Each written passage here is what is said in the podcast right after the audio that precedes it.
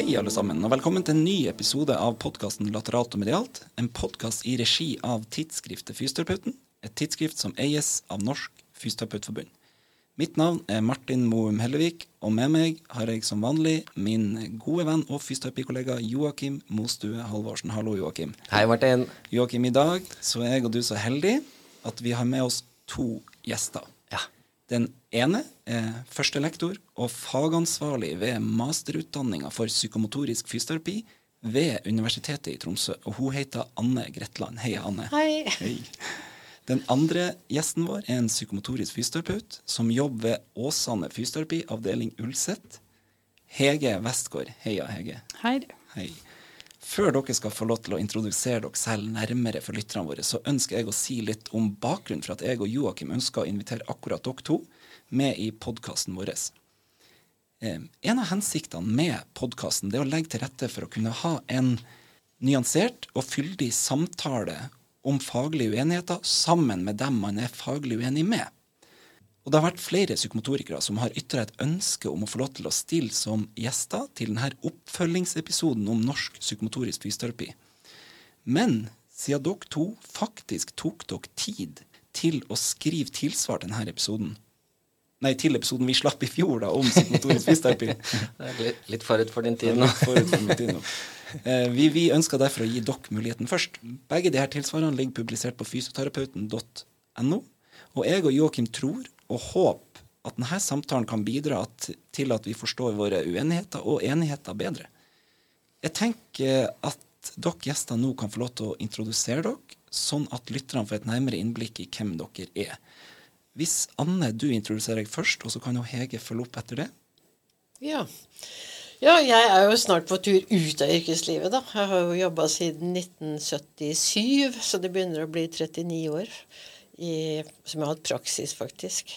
De siste åra har det jo vært et, en dag i uka og noen timer i uka etter hvert. Men jeg har jo ganske bred bakgrunn, altså sånn fra instituttpraksis, førsteavdeling manuell terapiutdanning tok jeg.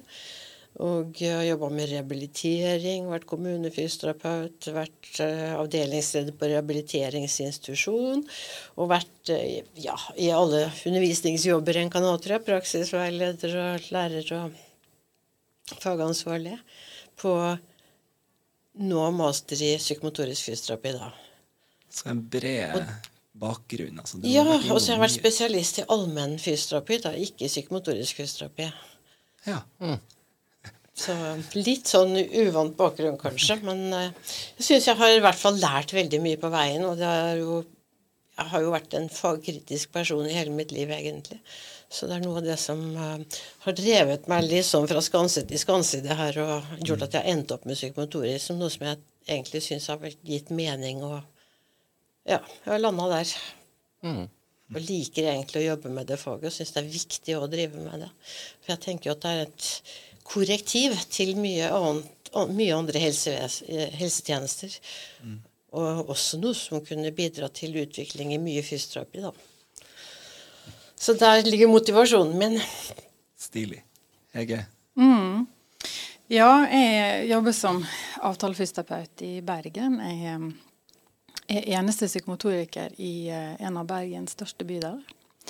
Em, og så til dagen så er mine kolleger allmennfysioterapeuter og manuellterapeut. Og så kan jeg jo si litt om Altså, jeg har eh, nesten bare jobba som psykomotoriker. Jeg begynte på masteren i Tromsø så snart det var mulig, etter at jeg var ferdig med grunnutdanningen. Eh, for jeg ble så tidlig hekta. jeg ble kjent med en som var psykomotoriker, og syntes det hørtes ut som en utrolig spennende måte å jobbe med sammensatte lidelser, psykosomatiske problemer. Da. Eh, og så fikk jeg også anledning til å kjenne tilnærmingen på egen kropp, og da var jeg på en måte solgt. Det gjorde så inntrykk på meg. Eh, så jeg har hatt også veldig veldig glede av å jobbe innenfor den tilnærmingen. Nå syns jeg at jeg har fått det så mye mer med pasienter med psykomotorisk fysioterapi enn med enn før jeg ble det. da. Eh, og så kan jeg jo si også, Jeg vet ikke om alle er klar over det, men, men eh, for å få takstkompetanse så må vi gjennom som psykomotorik gjennom et forløp med eh, egenbehandling. Vi må ha 20 eh, psykomotoriske behandlinger sjøl. Er det som en del av masterutdanningen, eller er det som en del av spesialiseringen eller spesialisttiden? Kravet for å få takstkompetanse. Ja. Så du kan jo ta masteren uten å gjøre det, men da kan ikke du heve takst. Men det er jo, eh, det er jo et krav som vi er opptatt av å, å holde på, ikke sant? nettopp fordi at det å lære gjennom kroppen er, eh, er en helt egen måte å lære på. Og det er jo på en måte det vi også krever av pasientene våre at de skal gjøre. ikke sant? Og det er jo kanskje relevant for andre faggrupper også. jeg vet ikke. Det er en veldig interessant tilnærming. Jeg har jo tatt master innenfor nevrologi fra Universitetet i Tromsø. Der hadde vi ikke egenbehandling som på en måte fokus da. Vi jobba jo med hverandre, men det var ikke sånn som dere beskriver her. da. Eh, Det, er veldig, det må være en eh, interessant greie å få kjent på kroppen det du, det du selv Ja. skal Altså Jeg gjorde det fordi at eh, jeg drev med manuell terapi, og så kjente jeg flere som var psykomotorikere, og de skrøt jo veldig. Sånn som jeg oppfattet det, det, Hva er det her? Så jobbet jeg på Fysioterapiskolen i Bergen, og da hadde de masse filmer som de hadde akkurat laga. Så jeg satt og så på Bylov da, i time etter time etter time. Så det skjedde jo noe med de pasientene. De eh, Bevegelsesmønstrene deres endra seg. De fikk reaksjoner på en eller annen måte. Men jeg skjønte ikke hva er hun holder på med. Hva er hun gjør? jeg klarte ikke å knekke koden på hvordan hun jobba. Så det ble veldig nysgjerrig. Så etter det så gikk jeg til egenbehandling sjøl for å få erfaring. Det var ja, veldig viktig erfaring, rett og slett. Møter deg sjøl på en helt uvant måte. Og veldig god kilde til utvikling og kontakt med seg sjøl, har jeg opplevd også. Og det her, hvis jeg forstår riktig, så har vel denne egenbehandlinga vært noe man har innenfor psykomotorikken um, holdt på med helt fra starten. Ja. Og det er jo liksom helt det grunnleggende. altså Du kommer jo ikke lenger med pasientene dine enn du har kommet med deg sjøl. Altså, du klarer jo ikke å få det til å skje så mye som ikke du har kjent på sjøl. Du må jo liksom vite hva som foregår. ikke sant? Sånn at det, ja, jeg tenker liksom Det er en helt sånn grunnleggende måte å, å lære på, en type erfaring som er, er viktig å ha med seg da, i den type, den type arbeid. Ja. Noe av det viktigste, syns jeg, det har kanskje vært det der med å skjønne hvor lite som skal til av og til. altså hvor lite som er nok til at det gjør inntrykk på pasienten. For jeg er liksom vant til å gå løs på knas, sette opp øvelsesprogrammet, det skal skje noe. Jeg er innenfor en sånn handlingstvang, liksom, det er som fysioterapeuter. Og sånn i psykomotorisk fysioterapi så gjør det en lite, lite massasjegrep, trekker litt i en muskel, venter litt, ser hva som skjer. Og så kommer jo pasienten med et svar. Så den der dialogen og hvor forsiktig du egentlig kan gå fram, det syns jeg har vært veldig fascinerende å, å få innblikk i, rett og slett. Og det trenger du egen erfaring på, tror jeg. For å tro på. Ellers så høres det rart ut. Gjør ikke det? Jo, jo, helt klart. Jeg tenker jo det er liksom du sier, Fysioterapeuter har kanskje en sånn behandlingstrang, eller vi liksom ønsker å, å, skulle påvirke, ønsker å skulle gjøre noe veldig konkret i hver enkelt behandlingstime. Det må skje noe. Det, det blir kanskje ikke rom for å heller vente og se hva som skjer mer spontant, da, eller som en respons. Man, man får ikke tid til å se responsen fordi vi hele tiden kommer med nye tiltak eller skal slenge på en manipulasjon eller eh, behandlingsprogram. da. Og så har man også, også ofte behov for å gjøre noe nytt hver gang, liksom. ikke sant? Altså sånn, ja, det gjorde vi sist. Nå, ikke sant? Men ofte så er jo verdien av gjentakelse er jo også veldig stor. ikke sant? Altså hvordan kjennes dette i dag? Og i dag er det helt annerledes enn det var forrige gang. ikke sant? At det er små ting, kanskje det samme mange ganger, ikke sant? kan være mye mer verdifullt enn det man tenker når man liksom skal nesten gå inn sånn og underholde, nærmest. ikke sant? Vi må gjøre noe annet i dag. Det, nå har vi tatt så mange knebøy.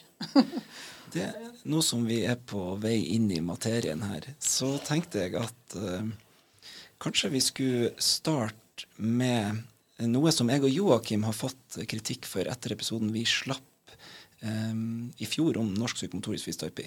Eh, for i den episoden så forklarer ikke jeg og Joakim hva norsk psykomotorisk fysioterapi er.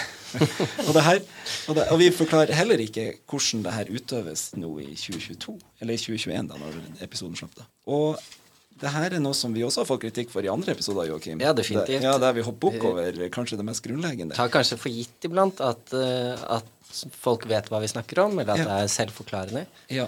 Så er det ikke nødvendigvis at det er det. Nei, det er ikke det. Um, så det jeg lurer på, da, sånn at vi skal starte på samme utgangspunkt, og at lytterne også får et innblikk her, da. Hva er norsk psykomotorisk fysioterapi, og hvordan utøves det nå? i 2022? Det skulle Ja, vært en hel episode. spørsmål. Store spørsmål, ja. Vi kan jo begynne sånn overfladisk med altså Det er jo en norsk tradisjon som ble utvikla fra 1947 og framover.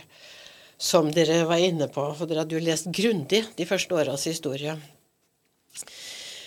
Det er jo en tradisjon som har stått i opposisjon til tradisjonell tenkning i helsevesenet, som biomedisinsk dualisme og reduksjonisme. En har prøvd å orientere seg mot å tenke mer helhetlig da, og se gjensidighet. Det tror jeg kan være et nøkkelord. Altså gjensidighet mellom kropp og følelser. Eh, gjensidighet mellom eh, eh, hel del. Du tenker liksom at et lokalt funn det står alltid inn i en større sammenheng. Så ingenting ses løsrevet fra kroppen som helhet. En tenker etter hvert kanskje også enda mer bevisst sammenhenger mellom sosialt liv, altså gjensidighet mellom sosialt liv og kropp. Så kroppen preges av det livet en lever. Så det er liksom sånn gjensidighet mellom flere forhold på flere nivåer, da. Som er veldig grunnleggende tenkning. Som vil liksom aldri betrakte et symptom som noe som skal tas vekk. Bort med det, liksom. Det står i en eller annen sammenheng, og vi må se, se det i dets sammenheng for å vite hva vi skal gjøre med det. Det er kroppslig sammenheng, det kan være livssammenheng. Og så tenker han jo at alle skal vi si, sykeligheter og helseproblemer de står i en, skal vi si, en sammenheng med pasientens liv nå, livssituasjon, men du kan jo også ha røtter i livshistorien. Og Det er jo en tenkning som ligger der fra Bråtøys begynte å skrive på 30-tallet. Liksom. Nå begynner det å komme mye forskning som bekrefter at vanskelig barndomsopplevelse f.eks. det kan lett nedfelle seg i form av noe som gir dårlig helse etter hvert. Er det slik at det livet man le, eller har levd, eller, og det setter seg i kroppen. Du, du, du um, nevner det at ting som har skjedd før, kan på en måte sette seg i kroppen, og så gi tegn eller symptomer, eller hva det skal være. da. Ja. Er, det, er det slik at man tar utgangspunkt i den, det tankesettet med alle pasientene man møter i psykomotorisk fysioterapi, eh, at det er den, det livet de har levd, det, det, der man liksom, det der utgangspunktet må være da? Ja, jeg tenker nok kanskje at det, det en ser av symptomer og plager, det er jo ofte en, si, en del av pasientens identitet, på en måte. Mønstre, vaner, væremåter som er utvikla gjennom veldig mange år, og av gode grunner på et eller annet tidspunkt. Altså, Vi vet jo ikke hva det er, men en må ha åpenhet for at det er sånne sammenhenger. da. Og en ser jo veldig ofte i praksis, er du ikke enig i det? Jo, jeg er enig i det. Og jeg tenker også som deg at liksom det som er sentralt i tradisjonen, det er jo nettopp den eh, hva skal vi si, sånn antidualistisk posisjon. ikke sant? At man bryter med en sånn medisinsk dualisme. ikke sant? Det gjorde jo Bråtei helt fra sine tidligere tekster. da. Eh, og så at nettopp det, ikke sant, at man regulerer og uttrykker følelser og følelsesuttrykk med pust, muskulatur, bevegelse, stillinger. Og det at man tenker på en måte kroppen som helhet. Og det betyr jo også at vi er ikke så opptatt av medisinske diagnoser, fordi at diagnoser kan komme så ulikt til uttrykk hos, eh, hos den enkelte. Men, men, man tar utgangspunkt i det pasienten kommer med og er opptatt av å presentere. Og så har vi jo et blikk for det at som Anne sier, at ting har gjerne blitt som de har blitt av gode grunner. da, ikke sant? At man har fått et fått et bevegelsesmønster eller eh, et, et uttrykk pga. opplevelse, pga. Av, av ting som har skjedd tidligere, belastninger som har stått på over tid. ikke sant? Og så prøver man å nøste litt i det, da. ikke sant? Men det er jo en, det er jo en oppmerksomhet mot mening òg, da. ikke sant? Altså, vi tenker jo at ting har blitt sånn av en grunn, og at det er meningsfullt for pasienten òg, det som har Sånn, sånn, altså behøver, eller hva skal jeg si mm. Pasienter har ofte opp, ikke nødvendigvis opplevelsen av at symptomene deres gir veldig mye mening, men, mm. men man kan på en måte eh, ha det som utgangspunkt at ting har eh, skrudd seg til underveis eller utviklet seg underveis. Og det handler jo om å nøste litt i sånne ting og, og på en måte si ja, men du måtte kanskje, det måtte kanskje bli sånn fordi eh, betingelsene var på den og den måten hos deg. Mm. Da ble det litt rotete, Ja, Men da, men og da tenker ja. man at man går gjennom eh, Man starter med kroppen, da. Mm. Eh, og hvis jeg skal grovt skille her, da, som en hvis vi tenker en tradisjonell psykolog som vil starte med å snakke da med pasienten, så, så, kanskje dere da går inn via, eller ser via holdningsavvik eller smerter, spenning eller hva det skal være, og går via kroppen, da. Er det å forstå riktig? Ja. Altså, vi snakker jo med folk innledningsvis, ja. men det helt sentrale og det som er skal vi si, veldig viktig kjennetegn i psykomotorisk fysioterapi, det er jo at den har en veldig systematisk og omfattende kroppsundersøkelse hvor den går gjennom hele kroppen og gjennom flere delundersøkelser. Altså både inspeksjon, palpasjon, bevegelse. Og bevege pasienten. Hvordan reagerer han på å bli beveget? Palpasjon. Altså det er en veldig ja, systematisk og omfattende undersøkelse som grunnlag for hvor det også har sant, både kroppslige kroppslig informasjon og verbal informasjon. Så det utfyller jo hverandre på en eller annen måte. Eller det kan være i motstrid. Mm. Men det er jo interessante ting å ha med seg videre, da. Mm. Er det en del av Så, dette, altså prøvebehandlingen, ja. eller? Ja. Ikke sant. Så det, det skjer i, i samme, samme setting, eller samtidig, da, dette her. Mm. Altså det er, Prøvebehandlingen er liksom undersøkelsesformen som Bylov hadde. Ja. Og, og, eh, sånn at man forklarer det litt nærmere. Hva mener man med prøvebehandling? Er det første gang man møter pasienten, eller er det Ja. ja. Så etter en samtale om plager sånn, så, så er jo ja, begynne med en inspeksjon. Se hvordan står pasienten. Mm. Hva skjer hvis du flytter tyngden litt frem og tilbake? Uh, ja, holdningsbevegelse. Det er masse funksjonsprøver. ikke sant? De viktigste er kanskje det her med å bevege pasienten, hvordan pasienten reagerer på å bli beveget. Mm. Altså bremser de, holder de igjen, gjør de en eller annen form for motstand, hjelper de til, der er de helt borte? Ja. Så Den har jo mange sånne delundersøkelser som en gjør både én og to ganger, også for å se hvordan det ser ut, men kan det forandre seg litt? Mm. Så det er derfor hun kalte det for prøvebehandling, tror jeg. Hun er ikke ute etter bare stilbildet, men å se hva skjer. Mm. Er det rom for litt endringer her? Og hva skjer når det endrer seg litt? Hvordan reagerer pasienten på det? Så det er en mm. dynamikk i det, mer enn det er å ta et stillbilde, da, som veldig mange andre fysioterapiundersøkelser er. Mm. Og da, En ting som jeg og Joakim heller ikke snakka så mye om ja. i forrige denne episoden vi slapp, det var det her med respirasjon. Og det er um, noe som psykomotorisk fysioterapeut er veldig opptatt av. og i når du nevnte her, Anne, du sa hvordan pasienten reagerer på de ulike bevegelsene, så ser man bl.a. en del på respirasjon. Mm. Er det riktig? ja? Ja, Respirasjon er veldig viktig fordi at det er en sånn indikator på emosjonelle reaksjoner. Og så vil jo jeg legge til at alle autonome reaksjoner er kjempeviktige òg. Altså blir pasienten svett eller varm, eller skjer det noe med pupillene, blir den tørr i munnen, endrer hudfarven seg sånn at Du følger med på alle sånne si, reaksjoner som er tegn på emosjonelle endringer. da. Mm. Og respirasjon er jo også liksom, gjerne knytta til det som vi kaller omstillingsevne. ikke sant? Er, er det mulig å få til noe endring? Er det mulig å få til noe bevegelse? Slipper pasienten pusten til bedre underveis i løpet av undersøkelsen eller prøvebehandlingen? Eller binder seg mer, eller er det ingen endring? Eh, puster pasienten liksom fritt og ledig, eller er det veldig sånn låst og grunt? Ikke sant? Og så tenker vi jo at sant, koblingen til det emosjonelle At hvis man bremser pust, så bremser man jo gjerne bevegelse og kroppsuttrykk ellers. ikke sant? Det er jo bare å holde pusten litt rundt bordet her, og så merker man at man blir ganske stiv. ikke sant? Sånn at det, det er viktig, sånn viktig hva er, det, hva er, det, hva er den formuleringen, Anne? Barometer på følelsesmessig tilstand? Er ikke det en sånn jo, det er det som brukes. Ja. ja. Men i hvert fall viktig rettesnor da, i, i, også i forhold til å liksom dosere. Ikke sant? Blir det for heftig for pasienten, så kan man jo se at vedkommende reagerer, og så kan man justere litt på det. Og, ja. mm. og den prøvebehandlinga, den eh, repeterer man i prosessen med pasienten. Det blir en slags måle en måte man måler pasientens endring på, eller, eller gjøres den på en måte fra starten? Også, eller ved starten, og så gjør man ikke den flere ganger? Altså, det er jo veldig mye av de samme elementene som en bruker gjennom en hel behandlingsserie. Eh, det som kanskje kjennetegner innledningen, det er at en prøver å få det der overblikket. da. Eh, etter hvert så kan det jo være at en velger ut mer tematiske områder. Mm. Vi jobber f.eks.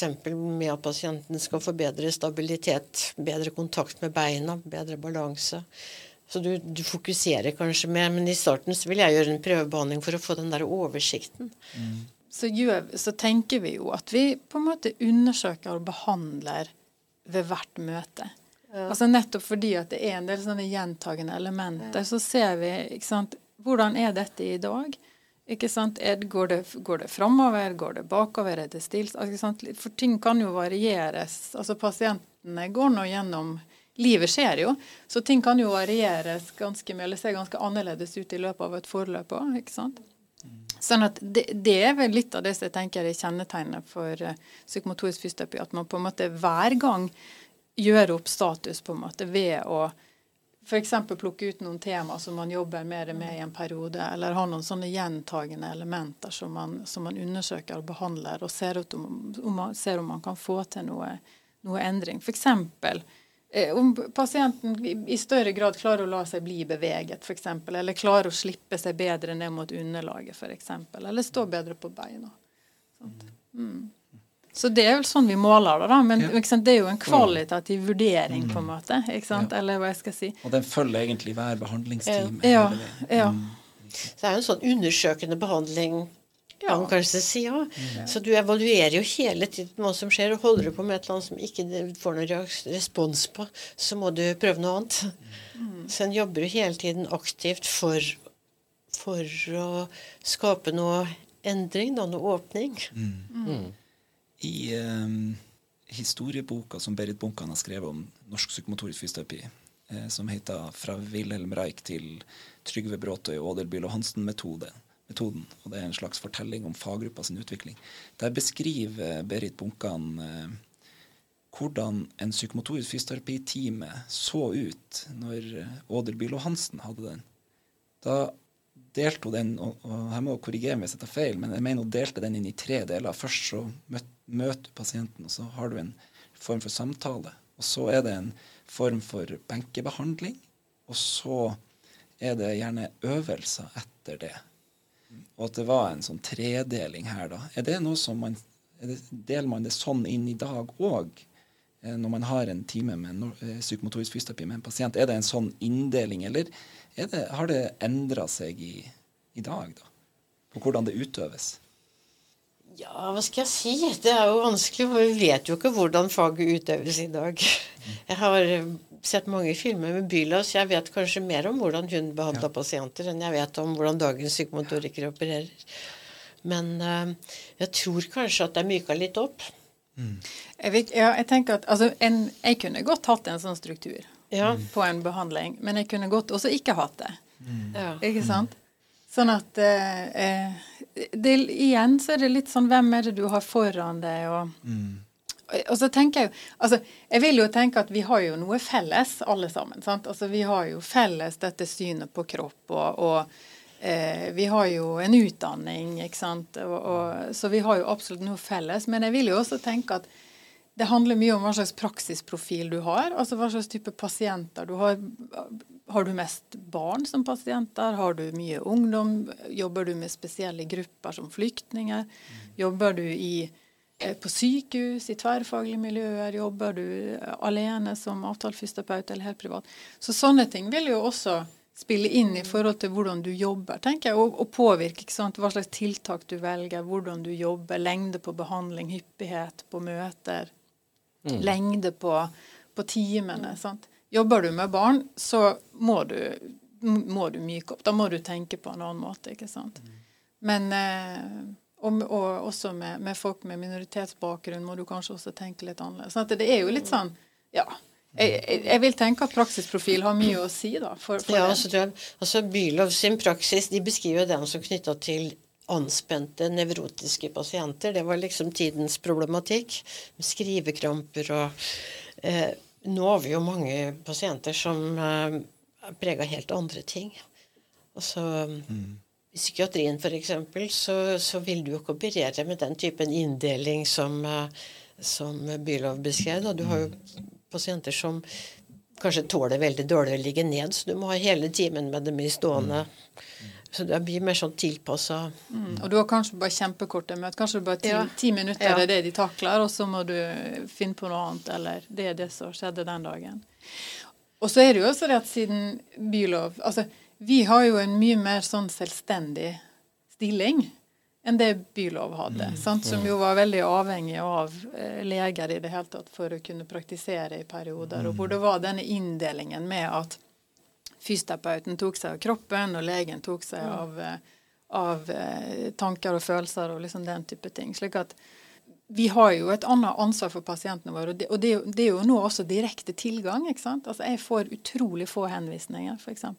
De fleste er jo pasienter som folk som ringer direkte, og, så, og liksom knapt har hørt om tilnærminger før, men bare fått beskjed av legen om at det er lurt, eller ikke sant? Og så begynner du der, ikke sant? I forkant av denne episoden så sendte du meg, Hege, to artikler som var skrevet av hun eh, Eline Tornquist. Eh, Som beskriver eh, hvordan psykomotorisk fysioterapi utøves. Da. Det synes jeg er veldig to veldig gode artikler. Skrevet i eh, Utposten, som er en medis et medisinsk tidsskrift eller nyhetsbrev, eller hva det er. Ja. Um, der så beskrives det at man jobber med hele kroppen. Um, og man jobber egentlig med hele kroppen hver gang man møter pasienten. Jeg Kan dere si litt om det, hva det betyr? Altså, fordi hele kroppen kan jo være mye. hva betyr det å jobbe med hele kroppen? Nei, Det er jo noe med den gjensidigheten som jeg snakket om i stad. Du holder på med La oss si at du prøver å få pasienten til å bevege litt på tunga eller kjeven eller sånn. Så vil du samtidig følge med på hva skjer med pusten, hva skjer med tærne. Ligger pasienten og krøller tærne i Prøver å holde ut det her. Altså, du følger med på hele kroppen hele tiden, og så prøver du å i klassisk psykomotorisk fysioterapi, så vil du jo liksom tenke at du skal arbeide egentlig gjennom hele kroppen i hver time. Det er også noe jeg tror mykes litt opp etter hvert. Men en har alltid det der med hele kroppen også, Å se helheten. Del helhet hele tiden. Det vil jeg understreke som veldig viktig. Jeg har bare en pasient i hodet akkurat nå som, som, eh, som sist jeg møtte vedkommende, var superstressa og var kjempefrustrert over det, og det bare summet i hodet. Og, ikke sant? Og det, og apropos hele kroppen, ikke sant? så er det jo sånn OK, så begynner vi med å stå og liksom kjenne på fotsålen og kjenne om du kan få litt mer kontakt med den, om du kan liksom lande litt, på en måte. Og prøve å løsne litt i ledd, og også eh, eh, eh, bruke litt tid på benken også for å på en måte slippe seg ned. ikke sant? Og når du klarer det, så klarer du også gjerne å puste litt bedre. Og når du lander litt i kroppen, så lander det litt i hodet òg. Da roer det seg litt grann, eh, også i tanken og sånn. Så det er jo det at alt henger sammen med alt. Altså at Girer du deg fryktelig opp inni hodet, så blir du jo gira i kroppen òg. Og samme også hvis du på en måte alt du gjør er så heseblesende. Hvis du alltid løper, uansett hvor du skal, så blir du jo stressa av det òg. Så det er jo der å på en måte påvirke eh, Hva skal vi si Gå litt sånn omveien, da. ikke sant? Altså påvirke kroppen slik at man på en måte kan oppnå liksom enten det å stimulere til mer aktivitet, for noen trenger jo det òg. Eller eller å roe ned og få litt mer kontakt og kjenne at liksom OK, nå klarer jeg å faktisk sitte i denne stolen, og nå, nå, nå var ikke det så problematisk lenger, det som foregikk inni hodet, eksempel. Sant? Jeg tenker jo det må kreve veldig mye av den enkelte behandleren for å For når man skal se på helheten, og det er veldig mye som inngår i helheten, eh, og det er så mange elementer å skulle ta inn eller følge med på og klare å, å få med seg dette. Eh, og sånn, det jeg tenker er interessant med det også, er jo i hvilken grad kan man forvente da at det blir stor variasjon mellom ulike terapeuter, altså eh, hvis samme terapeut hadde sett samme behandling eller samme pasient, hvordan man på en måte knytter seg til eller observerer og vektlegger forskjellige elementer av denne helheten. Er det noe som, som på en måte eh, I utdanningen det Dere snakket om dette at man har prøvebehandlinger og kjenner det på egen kropp, men på en måte hvordan man jobber med det eller klarer å utvikle den ferdigheten. da. Det, er jo, det der er jo komplisert, ikke Ja. sant? Altså, men det er klart at det er jo altså det er, Fysioterapi, all fysioterapi er jo, er jo en relasjonell praksis. Eh, så det er jo et møte mellom to mennesker, og det er jo all fysioterapi. Selv om på en måte det er albuer og knær det handler om. sant? Um, men det er klart at man er jo seg sjøl også som terapeut. Så jeg vil jo tro at uh, du og jeg løser ting ulikt. Men at det er nok felles til at vi mm. på en måte kan tenke at vi begge er psykomotorikere. ikke sant? Mm. Men det er klart det at jeg er meg, og, og Anne er Anne, og, og, vi møter folk på vår måte. Og som du sier, så ikke sant, vi Man bruker jo seg sjøl i behandling, og man møter jo folk på sin måte, ikke sant. Men jeg tenker vel at Altså, jeg har hatt eh, Det har sikkert flere psykomotorikere opplevd. at altså, jeg har hatt flere pasienter som enten har blitt overført til meg, eller jeg har vikariert, så de har vært hos en annen terapeut før de kom til meg, eller de har hatt et forløp før. ikke sant? Og et, mitt inntrykk er at selv om jeg eh, gjør ting på min måte, så er det gjenkjennbart for pasienten. Mm. ikke sant? Det er bare sånn Eh, sånn gjør hun det, sånn gjorde han det. ikke sant? Eh, men at det på en måte er en rød tråd i det også for pasienten, det har jeg absolutt inntrykk av. Så jeg har ikke enda møtt noen som, som syns at det jeg gjorde, var noe helt annerledes enn det de hadde opplevd før. Og det er jo betryggende i seg sjøl, tenker jeg. Mm. Samtidig så kan du ikke utelukke at det kan være så store forskjeller at folk stusser. Det skal man ikke utelukke. Nei, og det er jo det gjelder jo for så vidt på en måte alt av fysioterapi ja. mm. når det kommer til, eh, til, å vite hva er det som egentlig skjer i praksis. Ja. For vi vet jo ikke hva som skjer i praksis uh, innenfor for så vidt noen av områdene i, i, i, profesjonen vår. I hvert fall ikke i Norge. Vi vet litt. Vi har ja, jo noen, noen, eh, Det er sant. Ja, vi har noen observasjonsstudier fra nevrologi som er veldig, veldig interessant. Ja. Um, og det, det, er gjort ganske mye i Canada og i USA her. Og der er det ei som heter Catherine Lang, som har vært pioneren over alle pionerer her. da. Og det hun har gjort, det er at de For det er ganske vanskelig. Hva skal du beskrive når du observerer eh, en nevrologisk behandling? Og um, det er vanskelig. Og når du velger én ting, så må du velge vekk noe annet. Og det de gjorde da, det var at de laga et um, en måte du kunne systematisere hva det var som skjedde. Så de regna rett og slett ut antall aktive bevegelser av høyre arm. Antall steg pasienten går per økt. Eh, antall ganger du røyser og setter deg. Alle de her delene av fysioterapi, da. Men at du telte f.eks. antall ganger pasienten fikk aktivt beveget høyre arm. Men det du ikke får sett av, det f.eks. du får ikke registrert hvor lett det var å bevege den armen, hvor mye anspenthet var det hos den pasienten. Mm. Men i hvert fall, det som var så interessant her, det var at de fulgte De var på syv i det mest kjente studiet, som var på syv ulike rehabiliteringssenter. Og de fulgte 312, tror jeg, eh, behandlingstimer med fysioterapeuter. Og i USA så er det også vanlig at eh, fysioterapiassistenter og ergoterapeuter også gjør en del av det her nevrobehandlingen. Og det de så der, når de summerte opp f.eks. antall steg per økt med fysioterapeuten, så var snittet for på antall steg da, det var rundt fra 200 til 400 steg per økt. Og 200-400 steg, det er ca. 100-200 meter gange.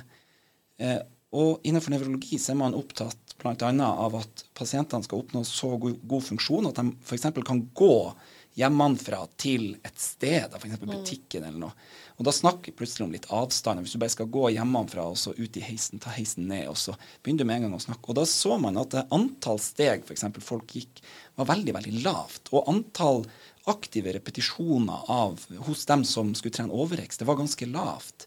Antall funksjonelle bevegelser, og da var det f.eks. å kneppe knapper, knyte sko, så det er en vanskelig kategori, da. Men der var igjen antallet repetisjoner veldig, veldig lavt. Så når man så prøvde å kartlegge i nevrologi, så så man at man lå mye, mye lavere i antall repetisjoner enn det som man har sett som kanskje kreves når man har eh, prøvd å kartlegge det her med nevroplastisitet. Man f.eks. har sett på dyrestudier hvor mange steg eller hvor mange repetisjoner må til for å skape de her endringene i sentralnervesystemet. Og det er en veldig interessant greie. og det som er synd, er at man ikke har kartlagt det her i større grad innenfor fysioterapien som helhet. At, og det er vanskelig, det, det, er mange nyanser her, da. Men som du var inne på, Anne, det å faktisk kartlegge hva er det som skjer i praksis, det er en helt sentral ting, tenker jeg. Ja. Hege, hva? Ja, og, og, det der er jo kjempespennende. og jeg tenker sånn, En utfordring i psykomotorisk fysioterapi tenker jeg i forhold til dette, det er jo at det handler så mye om mening.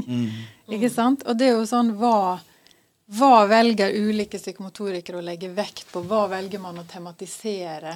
Ikke sant? Hva er det som på en måte blir det man skal jobbe sammen med? Og det kan man jo se for seg kan bli ganske forskjellige ting. ikke sant? Men, det er jo, men det er jo superinteressant, tenker jeg. Og da, så Den der telleversjonen tror jeg kanskje vil være mindre relevant for oss, men å få noen sånne rike beskrivelser av hva som faktisk foregår, tenker jeg er kjempeviktig. Altså Poenget hos oss er jo ikke at du skal øke kondis eller øke styrke eller eh, gangavstand. Det er at du skal kanskje tåle mer av dine egne vanskelige følelser. Det kan være at du skal uh, kunne være litt tydeligere overfor andre mennesker. Snakke litt høyere, si ifra, ta litt større plass. Breie seg litt mer. Ikke sant? Være Ja, gjøre mer av seg sette grenser for seg sjøl. Altså det er helt andre ting. Men sånn som vi vektlegger det nå, i hvert fall, så handler det jo også veldig mye om hvem man er i forhold til andre mennesker. Og da er jo den terapeutiske relasjonen en sånn øvingssituasjon. Altså Det er vanskelig for pasienten å bruke stemme, f.eks. Det blir sånn for første. Så kan du, vi kan øve litt på det her. Du kan si Lag litt nye lyder, liksom. Mm. Trampe i gulvet. Trampe i gulvet. Du kan gi litt mer kraft, du kan strekke deg litt mer ut, du kan gape litt høyere. Og så vet vi at når folk bryter sånne grenser, så kommer det også alltid noen sånne mer eller mindre sterke reaksjoner. Angst. Og det har vel også sammenheng med at uh, de måtene folk har lært seg å bevege på, det, har, det, er jo uttrykk for en sosial kompetanse. Altså man har lært seg å være på bestemte måter. Mm. Fordi at det er det som sikrer tilhørighet til familien og til venner. Så det utviklinga innenfor psykomotorisk fysioterapi har også gått fra at den har vært si, individfokusert og emosjonsfokusert, og psykologisk orientert. Det er kanskje mer å ta inn sånn samfunnsfaglig teori. Hva, som åpner mer på å forstå det her med bevegelsesvaner, f.eks. I et større perspektiv, da? Kulturelt eller samfunnsmessig ja, perspektiv? Altså, I moderne utviklingspsykologi f.eks. så snakker jo Støren om de bevegelsesvanene vi har, som en form for taus kunnskap om hvem jeg kan være sammen med andre. Det er liksom hvis jeg er sånn, så er det plass til meg. Det er en sånn grunnleggende læring som starter ut i helt tidlig barnealder. Så Støren han kaller det for sånn taus relasjonell kompetanse. Og så Bourdieu, som har skrevet om det hos voksne, han skriver jo om altså bevegelsesvaner som måten vi er eh, Vi bærer med oss sosiale forhold, da. Altså bare sånn helt sånn, ja, sånn banalt eksempel. Liksom, hvorfor mange kvinner bare bruker et halvt bussete. Ikke sant? Og gjør seg, gjør seg, liten. ikke sant? Og hvordan du kan se hos veldig mange kvinnelige pasienter at de holder inn magen, eh, eh, strammer setemuskulaturen, har kjempedårlig fordøyelse, vondt i ryggen. ikke sant? Altså Sånne ting som på en måte handler om en sånn kjønnet måte å være på og bevege seg på, som, som kan gi rett og slett sånn funksjonelle plager. da. Eller folk som har rett og slett problemer med å ta plass helt sånn fysisk. ikke sant? Du forsøker å bevege deg passivt, de hjelper til, gjør alt for deg. Liksom, Kan jeg bevege deg litt? Og, nei, hvordan, hvordan, gjør vi det? Hvordan skal man få til det? Sånn at man er på en måte veldig formet i, altså, i bevegelser og og kroppslige vaner av de betingelsene man både har vokst opp, altså er sosialisert inn i sånn kulturelt og samfunnsmessig, og i, i familiestrukturer og, og, sånn på et individuelt nivå. Da. Men altså kultur, samfunn, historisk kontekst, vi er jo preget av det også kroppslig. Det her kan vi jo mm. spille. Joakim, vi snakka litt om det her i kjernemuskulaturepisoden, der den anerkjente uh, australske forskeren og fys uh, fysioterapeuten Peter O'Sullivan han um, kritiserer en del av det her fokuset vi eh, voksne har på å du nevnte, holde inn magen. Og han sier at eh, Han trekker fram hvordan f.eks. pilatesindustri, treningssenterbransje, hvordan de her selvbildene, nei, de bildene vi forholder oss til, hvordan man skal se ut, at det ender opp med at, å påvirke folk til å gå og holde magen inn, og så sier han 'relax'. Så slapper man av, ikke sant? Men det vil man jo ikke, for da buler jo magen ut. Man går jo og holder den inn hele tida. Ja, du møter på noen sosiale normer. Altså, og det, det påvirker jo funksjon. Jeg hadde en morsom opplevelse. Jeg underviste på bachelorutdanninga. Vi skulle måle thorax-ekskursjon. Og så så vi jo at de pusta stort sett opp og ned istedenfor å bruke altså utvide thorax nede. da. Og så tok vi alle måla deres opp på tavla og regna ut gjennomsnittet. Og så var gjennomsnittet for en gjeng friske fysioterapistudenter det var mindre enn det som står som minstemål i normalt minstemål i lungefysioterapiboka til Eline Tornquist. Det var liksom fire centimeter eller noe sånt. og da stussa jo studentene sjøl. Hva er det? Vi er jo friske, og vi er jo tre, veltrente, og så puster vi nesten ikke. Nei, men så tok, var det en gruppe som tok det opp i, i et seminar. Og da kom det jo fram til at det, det var i grunnen det at de var Det pinligste av alt, liksom, det var å ha mage. Så sixpack er et krav, og du må rett og slett bare holde. det syns, Men det går jo utover funksjon, ikke sant? Ja. jeg syns uh, Eline Tornquist hun har en artikkel fra 2001 om kroppssyn og faglige utfordringer i dag, som egentlig tar opp det på en, en veldig fin måte. Eh, og dette med kroppsidealer, og hvordan man man på en måte har fått en sånn varekarakter i samfunnet, dette med, med kroppen. Og den lett blir et sånn objekt for den enkelte. Jeg synes hun hadde et veldig fint sitat om at i en slik tid får forholdet mellom å være og å ha en kropp en spesiell betydning. Og det er kanskje litt det som, som det jobbes med også. På. Man er kroppen, eller det er ikke noe skille, da. Det er ikke den kroppen man har, men man er kroppen innenfor psykomotorisk fysioterapi. Ja, altså et mål er jo å fremme kroppens subjektstatus, kroppen som meg. Det er liksom helt grunnleggende viktig. Kroppen som kilde til å eh, si, kjenne seg sjøl, vite hvem en er, hva en har lyst til. Altså alle de der impulsene som kan komme fra kroppen, og som gjør at jeg blir et levende menneske. Det er liksom det en vil ha fatt i. Et sosialt levende, vitalt menneske. Og så ser en jo at eh, objektifisering er jo veldig utbredt på den andre sida i bl.a. mye av den der helseindustrien.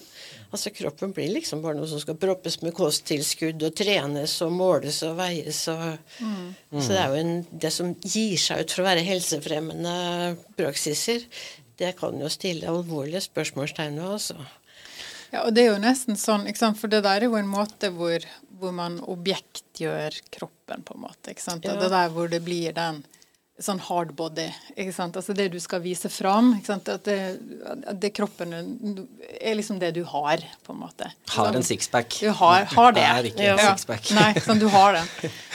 Og så på samme måte så ser man jo at ikke sant, det er nesten en sånn Og jeg tenker jo at for noen så er jo den type fremmedgjøring nesten like eh, like omfattende som den som man ser ved folk som, som er syke eller har alvorlige funksjonsnedsettelser. Altså det blir jo en sånn kropp som man på en måte bare har som en sånn hemsko, på en måte, som bare virker mot en, og som bare skaper masse friksjon i hverdagen. ikke sant?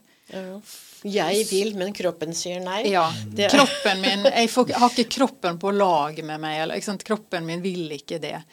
Eh, og det er jo selvfølgelig veldig alvorlig. Og det er jo også sånn som vi på en måte prøver å, å jobbe med folk og, og eh, hva skal vi si, gjøre at folk blir litt mer venner med kroppen sin, selv om den kan være selv om man kan ha mye funksjonsproblemer og plager. Men akkurat den der veldig sånn objektgjøring av kroppen som liksom handler om at man skal se ut på en bestemt måte, og at det er jo en sånn egen kapital, det. Ikke sant? Den er jo også ganske omfattende hos enkelte. Så noen ganger så, så Jeg starter jo liksom med en sånn holdningsundersøkelse, så sier jeg ofte sånn Og så kan du stille deg opp eh, sånn som du pleier å stå, og så prøver du ikke tenke på at du er hos fysioterapeut. Og så ser du at folk liksom bare boop, Der faller de, på en måte. Sånn, for da har jo alle stramma seg skikkelig opp. ikke sant?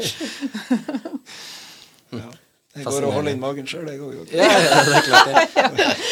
Um, hvis vi nå flytter fokuset mot et mer overordna tema, som ikke nødvendigvis kun handler om norsk psykomotorisk fysioterapi, men egentlig et tema som treffer fysioterapiprofesjonen som helhet.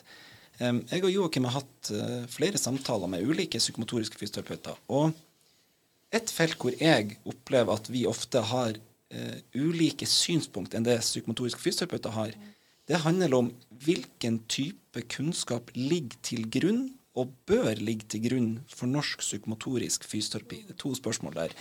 Um, ja, hva tenker vi om, om, hvilken type kunnskap som ligger til grunn, da? Det vil si det er erfaringskunnskap. Det er jo basisen, liksom. Og kilden til utvikling. Og også noe som en hele tida måler sånn eh, teorier opp mot. Og så stemmer det liksom med det jeg ser i virkeligheten. Altså er, Erfaringskunnskap er helt sånn grunnleggende viktig, og så kan jo ikke det stå alene. Så jeg tenker jo at uh, en god teori har veldig stor praktisk verdi ved at den omhandler temaer som er opptrer i virkeligheten. da. Så Sånn sett så tenker jeg f.eks. at uh, jeg hadde veldig mye glede av å lese en Eh, teoretiker som Bourdieu f.eks., som skriver om kropp og identitet og selvfølelse og uh, kroppen som bærer av noen sosiale normer og verdier og sånn. Altså, det er kjempenyttig å ha med seg i praksis, for du, du, skjønner litt av hva som kan stå på spill for pasienter. Du kjenner jo ikke den enkeltes historie og vet jo ikke hva som ligger til grunn liksom, for at de har blitt som de har blitt. Men gode teorier hjelper til å stille noen spørsmål. Og et kroppslig spørsmål, f.eks. ut fra å tenke når han skriver om å ta plass eller ikke, så kan vi stille spørsmål Prøv å ta litt større plass. Strekk deg litt ut. Brei. Slipp skuldrene ned ut. Slipp knærne litt mer fra hverandre. Hva skjer? Gi deg sjøl litt mer tyngde. Hva skjer? Alt det der går på å ta litt mer plass. Det handler jo også om en sosial funksjon og rolle. Så sånn, sånn syns jeg at teori kan være veldig nyttig til å sette ting i sving da, i, i kliniske situasjoner. Så for å si, åpne hva kan det dreie seg om. Og da er vi inne på det som handler om meningsskaping òg. Og hvor jeg tenker det her med kroppslig dialog. Altså vi prøver oss litt fram med bevegelser, men vi ser altså hva skjer når du gjør det der nå? Hvordan oppleves det? Hva kjenner du? Så at den kroppslige dialogen går sammen med en verbal dialog sånn relativt kontinuerlig, det er også et sånn veldig viktig kjernepunkt i psykomotorisk fysioterapi. For å finne ut av hva betyr det her for pasienten. Og sånn sett så blir jo de også mer kjent med seg sjøl og får mer begrep om hvem de er. Og det er jo sånn som fremheves i forskning. Mm. Og, og så, ja, nei, så Noe av den kunnskapen som vi også har Det er jo, laget, det er jo utført mange eh, kvalitative studier. Hva er det pasienter erfarer i psykomotorisk fysioterapi? Og det er jo bl.a. sånne ting som trekkes fram. De skjønner seg sjøl bedre. De får mer språk for seg sjøl. De får bli tryggere. Ja, masse. Mm. Altså, jeg tenker også sånn overordna. Altså, vi, vi, har jo som ambisjon å på en måte ta inn hele mennesket da, ikke sant? I, i, i, vår tilnærming. Og da må vi jo på en måte ha kunnskap om mennesket både som, som biologisk vesen, og som eh, historisk, sosialt og kulturelt vesen. ikke sant? Og Det betyr jo at vi i tillegg da, til disse basalfagene som er felles for all fysioterapi, sånn anatomi, fysiologi, biomekanikk, alt, alt disse tingene her, så må vi jo også på en måte, som Anne sier, eh, hente inn noe kunnskap fra, eh, fra eh, antropologi, kulturfag, samfunnsvitenskapelige fag, filosofi gjerne òg. Merleau-Ponty og kroppsfenomenologi er jo også en som vi har lært veldig mye av. ikke sant? I forhold til hvordan vi på en måte skal tenke rundt kropp og, og, og, formulere oss og liksom si noe som på en måte gir mening. Det er også noe med å sette ord på noen ting òg. Ikke, ikke bare hva vi tror og ser, men vi må jo også kunne formulere oss. ikke sant? Og jeg tenker jo, litt forlengelse av det du sier, Anne, ikke sant? at vi, hvordan er det for deg? Altså, øh, øh, ofte så, Det er jo sånne språklige bilder. sant? sant? Gå på med krum hals eh, brette opp ermene, knytte nevene, eh, komme litt frem i skoene. Altså, det, er jo, det er jo språklige bilder, da, men det er jo kroppslige realiteter. Altså, når du har det kjipt om å holde ut, så biter du tenna sammen. Du, du, eh, du heiser opp skuldrene, og du bare gønner på. ikke sant? Og det er jo noe du gjør kroppslig, ikke sant? Mm. Så, så, noen ganger så er det jo litt sånn der aha-opplevelse for pasienter å på en måte skjønne sånn Å ja, det der med å stå på beina. Du mente det bokstavelig, ja! ikke, sant? ikke sant? At det er faktisk noe som skjer når du gjør det. ikke sant? Når du faktisk lander på føttene dine, så skjer det noe med deg. Så liksom den der, det der koblingen der mellom altså språket og den fysiske, den kroppslige erfaringen er faktisk mm. veldig viktig. ikke sant? Fordi det, det handler om mening, altså. Mm. Så er det sånn som du sier, Anne, at det er jo en, en del forskning også på feltet. Ikke, ikke, bare på en måte teorier som ikke nødvendigvis er ut ifra norsk psykomotorisk fysioterapi, men det, det, bygger jo på en måte på andre, andre, teorier også, men at det er kommet mer og mer forskning, og, og kanskje spesielt kvalitativ forskning. Eh, og nå etter at, etter at eh, Norsk psykomotorisk fysioterapi fikk egen masterutdanning, har dere sett på en måte at det genereres mer siden da 2010, når denne masterutdanningen kom på plass og, og kom inn i de akademiske miljøene. Det genererer mer, mer og mer forskning, og at det også endrer noe av praksisen av hvordan, hvordan psykomotorisk fysioterapi utøves? Igjen så Jeg vet egentlig ikke nok om hvordan psykomotorisk fysioterapi utøves i dag. Det er eh, Altså, det er jo neppe en sånn monolittisk tradisjon. Det har vært forskjellige utdanningssteder, det har vært forskjellige lærere, man har litt forskjellig pensum rundt om. Altså, så antagelig er det noen variasjoner. Og så tenker jeg at uh, det kan ha en positiv side ved at uh, folk også lærer av sin praksis. Så vil uh, vil vi, ved å studere praksis så vil vi kunne få mer innsikt i hva er det de gjør som virker når det virker. Hva er de viktige prinsippene for behandling vi kan ta ut? Er vi fornøyd? Er det bra nok og ferdig utvikla det som er? Eller er det noe som skal utvikles og forbedres? Men å, jeg tenker praksis som en veldig viktig kunnskapskilde, da.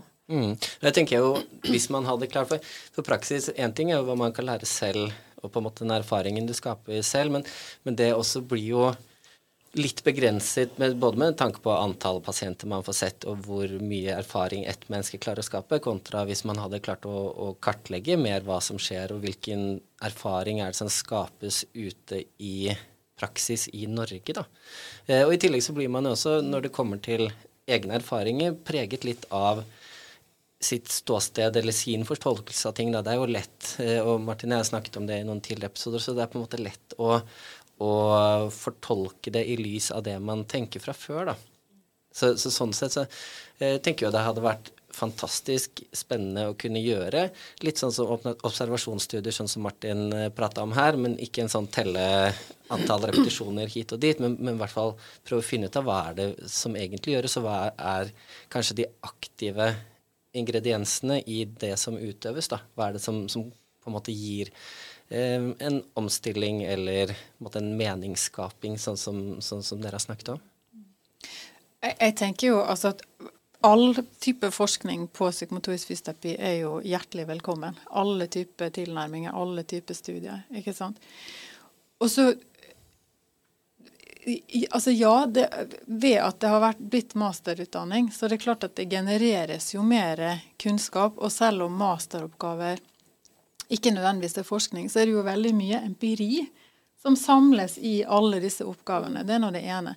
Og det andre er jo at nå, nå, er det jo et krav om mastergrad for å få takstkompetanse. Og det at alle må gjennom den øvelsen og faktisk lære seg å tenke og diskutere kritisk og vurdere seg sjøl, vurdere andres arbeid, er jo med på å høyne nivået, tenker jeg, på kritisk refleksjon Eh, forhåpentligvis. Og, og, og eh, ja. Litt sånn kritisk selvransakelse i feltet, tenker jeg. Sånn at det er jo ikke det er jo ikke bare en sånn eh, obligatorisk knebøyning. Det er, jo en, det er jo en egenverdi i det å måtte gjennomføre et masterstudium, tenker jeg. Eh, og Eh, og, og, igjen så vil jeg si altså at det samles veldig mye spennende empiri altså i disse oppgavene, selv om kanskje ikke alle er gjennomført liksom på, på like eh, avansert vis i forhold til at ikke det liksom kan regnes som forskning nødvendigvis. Men det er en kilde til kunnskap, det også. Men altså, jeg eh, tenker at alle typer studier, alle typer tilnærminger, metodiske varianter, altså bare kjør på. Mm. Et, noe jeg syns har vært interessant med å dykke litt ned i historien til psykomotorikerne, er at uh, um, Spill litt på det du sier her. Mm. Du er ganske åpen for å uh, trekke inn uh, studier, egentlig alle typer studier, inn mot mm. psykomotorisk, psykomotorisk fysioterapi som kan dekke de fenomenene man jobber med, og selve faget. Da. Men opp igjennom, når man leser uh, utviklinga til faggrupper, så virker det som at um, det har vært litt delte meninger knytta til om man skal bruke kvantitativ eller kvalitativ metode. Hva er man, hva er det som egentlig fanger opp psykomotorisk fysioterapi? Jeg opplever jo at uh, her, her, har man jo både uh, Berit Bunkan og Marit Sundsvold uh, Aud Storås har vel også vært blant de som har utvikla egne måleverktøy, da, måter. Og det, det, de det jeg eh, slik jeg forstår det, så, så forsøker de å kvantifisere noen av de fenomenene man møter. Og så, eh, slik jeg forstår det, så er det knallvanskelig, kjempevanskelig å kvantifisere det her. Men man har prøvd å kanskje kvantifisere deler av det. Og så er det et uh, lite, lite sitat da i boka til Berit Bunkan, da, der hun skriver at en av hennes eh, sorger, tror hun skriver, i psykomotorisk fysioterapi, er at man ikke har favna det kvantitative perspektivet i større grad enn man har gjort. Er det sånn nå? Er det, eller er det riktig? Er det riktig, slik hun sier det, at det er en klar helning mot det kvalitative? Eh, og hun, slik jeg leser henne, så oppfatter jeg nesten at det er ikke en frastøting, men det er, det er ikke akkurat en sånn ta det kvantitative med åpne armer. da. Um, så Derfor syns jeg det var så interessant å høre deg nå, Hege, når du mm. um, kanskje ser ting ifra Er det riktig, for det første? Anne, du som kanskje har eh... Jeg vet ikke. Altså, det, men um, Bunkan og uh, Marit Sundsvall de utvikla jo hver sine kvantitative, standardiserte undersøkelser basert på den prøvebehandlinga til Bylov. Uh, jeg vet ikke hvor mye det har vært brukt. Jeg vet at i bergensmiljøet så har det vært en del undersøkelse med, med Marit Sundsvold sin undersøkelse. Bl.a. fordi at Alice Kvåle tok doktorgrad basert på bruk av den på en smerteklinikk. Ja, For hun videreutvikla den GFM-en? Ja, det har hun ja. gjort etter hvert. Ja, mm. ja. Og redusert antallet variabler og sånn. Så altså i, i, praksis så er jo ikke den der så veldig egna, egentlig. For at det du, du, kan nesten ikke møte pasienter på en standardisert måte uten at du mister noe veldig essensielt i relasjonen til pasienten. Mm. Så jeg vet ingen fysioterapeuter ja, som bruker den varianten i møte med pasienter. Og så er det vel ikke så mange som har brukt det i forskning heller, da. Ut Nei, og den er vel egentlig utvikla for forskning, ikke det? Ja, ja fordi at det, den har vi jo Altså hvis du kjører den på et pasient, så er det ganske det er lite relasjon. Ja. Og lite, altså er, det er veldig sånn eh, teknisk. Men det jeg tenker på i forhold til altså at jeg ønsker all type forskning velkommen altså Det kommer jo helt an på hva, hva du spør om. Og altså Man må jo alltid tilpasse design og spørsmål og strategi i forhold til hva man vil vite noe om. ikke sant? Man kan jo, man kan jo eh, Eh, eh, kjøre store spørreskjemaundersøkelser på pasienter i forkant og etterkant av forløp. Altså Sånne ting kan man jo gjøre. Sant? Man kan jo sikkert utvikle en eller annen slags måte å kvantifisere eh, eh observasjon, eller lage observasjonsstudier hvor man teller ting også. Hva vet jeg. Altså jeg tenker at det er ikke eh, det, det, er ikke vi to som sitter her som skal på en måte finne ut av det. Men, men, jeg vil bare ønske alt velkommen, som kan på en måte generere mer kunnskap i tradisjonen. ikke sant? Men, men det er klart man må jo tilpasse eh, Det må jo være en sammenheng mellom det man ønsker å finne ut av, og hvordan man finner ut av det på. Mm. Mm. Mm. Og, og, det er jo gjort eh, kvantitativ forskning også.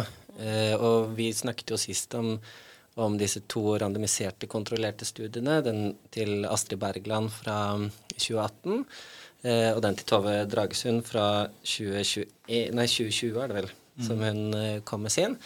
Eh, som var på en måte de da to første randomiserte, kontrollerte studiene. Men det er jo også gjort da ikke-randomiserte studier og andre typer kvantitative forskningsarbeid innenfor psykomotorisk fysioterapi også, og hvor bl.a. G5-en er et av utfallsmålene da, i, i, enkelte av disse studiene.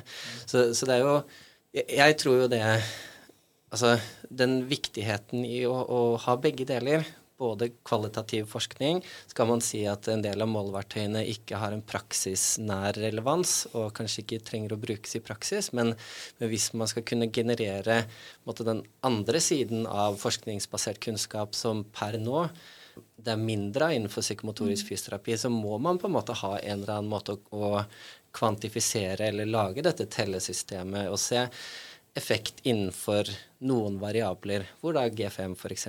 Kan, kan brukes, eller ROK eller DOK kan brukes, kanskje. Samme, samme, gjelder jo mål for livskvalitet, altså helserelatert livskvalitet. Eh, SF36 har vel blitt brukt i noen av disse studiene. EQ5D, eh, skjema til Eurocol. Så, så det fins jo, eh, tenker jeg, da, elementer og, hvor, hvor man kan prøve å kartlegge effekt innenfor psykomotorisk fysioterapi også. Så kan man si kanskje de ikke er sensitive nok innenfor dette med meningsskapning hos en pasient, eller omstillingsevne, eller noen av på en måte kvalitetene som psykomotorisk fysioterapi eh, vektlegger. Men, men, da tror jeg at vi må bare videreutvikle målverktøyene våre, så de blir bedre og mer sensitive. Eh, sånn at du faktisk klarer å plukke opp dette her, da. Ja, altså jeg har ikke tenkt å argumentere verken for eller imot. Ja. Det er sikkert fint med forskning av mange slag. Jeg er enig med altså Jeg har ikke noen store motforestillinger mot verken det ene eller andre. Men som uh, en som har delt med det her i, og utdanningen nå i etter hvert 20 år, så så har ikke kapasiteten vært å lage de store forskningsprosjektene. Det jeg derimot har vært veldig opptatt av, det er jo hvordan vi kan fremme best mulig kvalitet i den behandlinga studentene skal gi. da.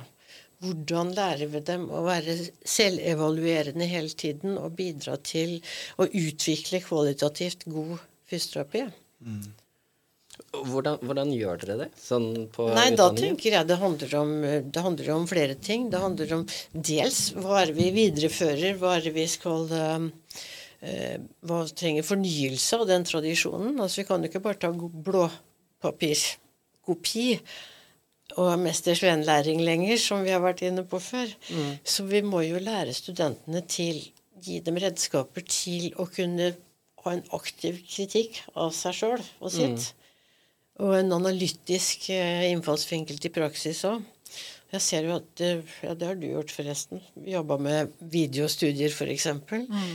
Det er jo ekstremt lærerikt for de fleste. Mm. Å se både seg sjøl, men også andre på video, for å se hva, hvordan fungerer det de gjør. Hva er det de fanger opp, hva er det de ikke fanger opp. Mm. Um, så det, det, har jeg sett som et veldig viktig virkemiddel til å utvikle god mm. Mm. God fysioterapi. Og de studentene som har gjort det, sier at de har lært mye av det sjøl. Altså.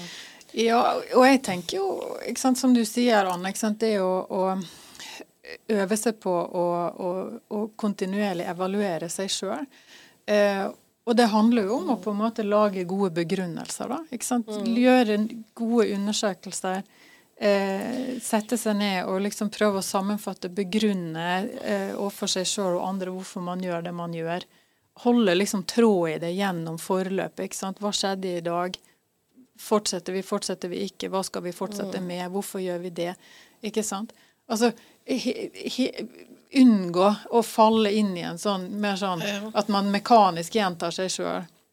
Men, men, å, men, å, være der. Og jeg tenker at så lenge man på en måte altså I ens egen kliniske praksis så handler jo det om liksom mye sånn rett og slett sånn kvalitativt beskrive hva er det som skjer, hvorfor fortsetter jeg på dette sporet. Eh, ikke sant? Nå fungerer ikke det lenger, hva skal jeg da gjøre? Mm. Eh, men, mm. men for, hvis man ser, for jeg er helt enig i det, en, på en måte en, en sånn egen praksis, så må, har man jo seg selv å, å vurdere eller evaluere. Og på en, måte en, en veldig viktig del det å, å, kunne se hva er det som fungerer, hva er det som ikke fungerer. Og så er det jo bare hvordan definerer man fungerer, da, eller hva, hva gir en, en, en eller annen effekt, eller en eller annen omstilling, eller en eller annen på en måte, det man ønsket å oppnå med pasienten. Men mer sånn overordnet for selve faget, altså eller uh, fagmiljøet. Hvordan, hvordan tar man et valg innenfor psykomotorisk fysioterapi på at når vi tenker at dette her virker å fungere, dette virker ikke å fungere, hvis man ikke har på en måte disse effektevalueringene eller målene litt mer sånn kvantitativ stilling også. For, fordi det blir så I og med at hver behandler møter Altså det er et møte mellom to mennesker, og hva som oppstår i det møtet, ikke nødvendigvis vil skje i et møte med en annen. Så, så hvordan man på en måte klarer å forme eller ha denne røde tråden i hva er psykomotorisk fysioterapi, og hvordan det endrer seg, uten da å, å på en måte få kartlagt hva er egentlig den aktive ingrediensen, eller hva er det som, som vi ser gjør at pasienten får bedre livskvalitet eller får bedre funksjon. da. Altså, vi har jo mye kunnskap om hva som er viktig mellom mennesker. Eh, vi må ikke finne ut eh, alt sjøl for psykomotorisk fysioterapi. Altså, vi bruker jo f.eks. kommunikasjonsteori.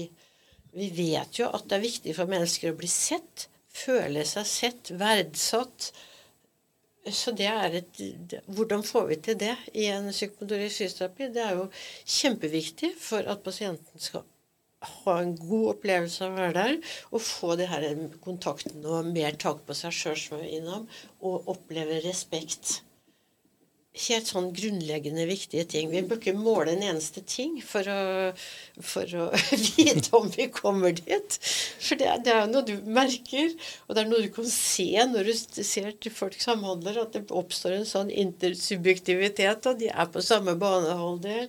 De bekrefter hverandre, er opptatt av det samme. Altså, det er mange sånne elementer fra annen teori sånn som vi bruker. Mm. Vi må ikke finne ut på nytt at det er også viktig i psykomotorisk fysioterapi. Det er viktig overalt.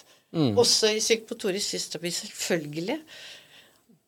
Så er kanskje spørsmålet har det noe terapeutisk verdi. Ja, det har det.